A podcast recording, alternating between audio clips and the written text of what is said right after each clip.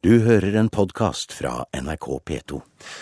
Og vi begynner med Salman Rushdie. Han beskylder lokale politikere og politimyndigheter i India for å spre falsk informasjon om et planlagt attentat mot ham. Som du kunne høre i Kulturnytt i dag tidlig, så trakk Rushdie seg fredag fra Jaipur litteraturfestival i fødelandet etter truslene. I går så skrev han på Twitter at han er forbannet og svært fornærmet over myndighetenes lureri.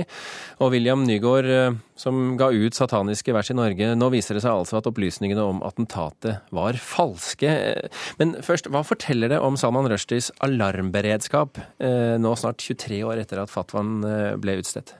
For det første så har han jo en lengten etter å være i sitt oppvekstland, altså sitt fødeland India.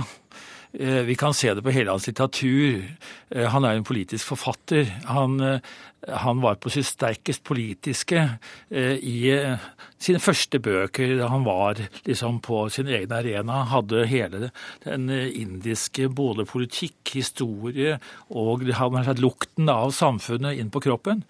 Han har eh, alltid vært en politisk forfatter, og har det vært i hovedsak også i sine senere utgivelser.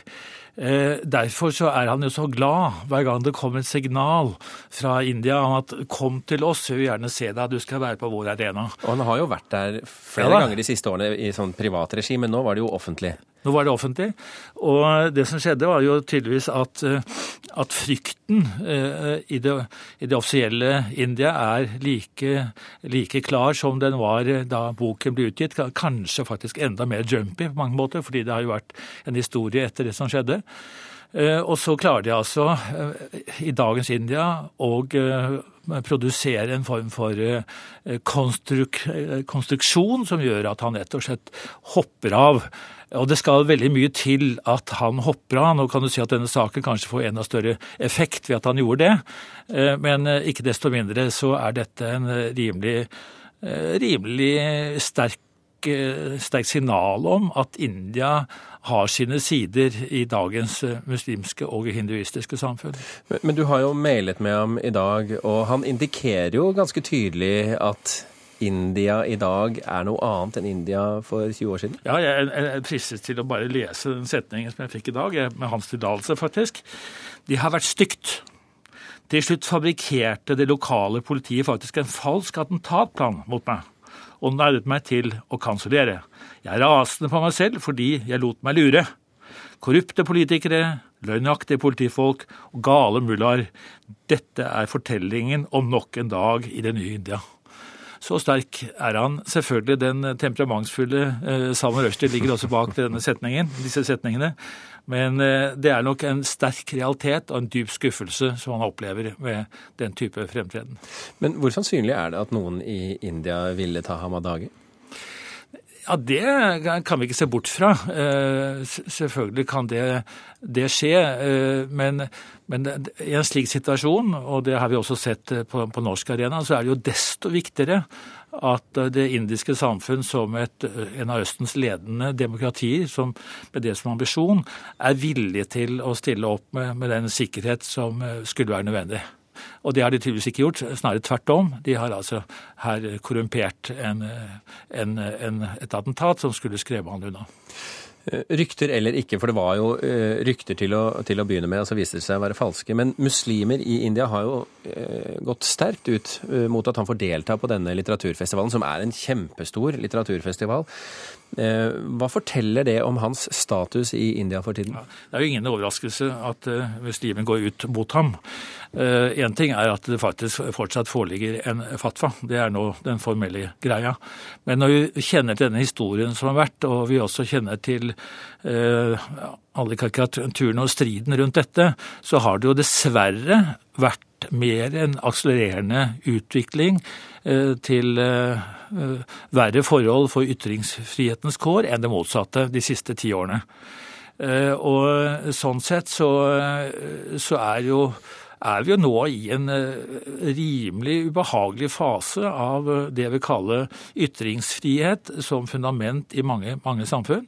Eh, også fordi alternative liksom, metoder, tydeligvis, i dette tilfellet. Og så holder man seg ikke for engstelig for å benytte. Og har nær sagt at konfrontasjoner, som kanskje opphavet til mye av det hadde som ambisjon, har jo fått oppnådd ganske så mye. Jeg tenker nå på ayatollahen mm. himself. Ja. Nå er det ikke lenge til det er, det blir februar. Mot slutten av februar så er det et lokalvalg i denne delstaten i Nord-India. Mm. Der er det, slik jeg forstår, en del politikere som ikke vil støte den muslimske andelen velgere, som er vel på rundt 18% eller noe sånt nå. Mm. Hvor viktig har det lokalpolitiske vært i denne saken? Altså, dette må jeg være forsiktig med å uttale meg om. Men, men, jeg vil tro at jo lenger du, unna du kommer det sentrale regimet i, i i India, jo, jo, mer blir det preget av eh, lokalmakten og frykten, eventuelt konfrontasjonene som er potensielle.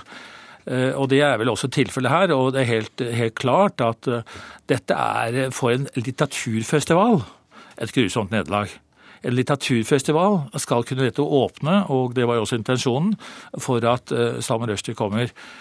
Og, så dette men debatten som vi har her nå, og konsekvensen av den, vil sette eh, en klart advarende utropstegn i det indiske samfunn og peke på at noe ikke er i orden. Så, sånn sett kommer det kanskje noe godt ut av det. Nå, nå ble jo eh, eh fire forfattere som, eh, som, valgte å lese høyt fra mm. sataniske vers i, i, nå i helgen. De ble truet med rettssak og fengselsstraff på bakgrunn av en bestemmelse fra 1867 mm. om at det er forbudt å lese fra forbudte bøker. Mm. Den lever altså eh, i beste velgående i India i dag. Hva syns du om det? Nei, det er klart at dette er utslag av frykt. Det er det. Selvsensur.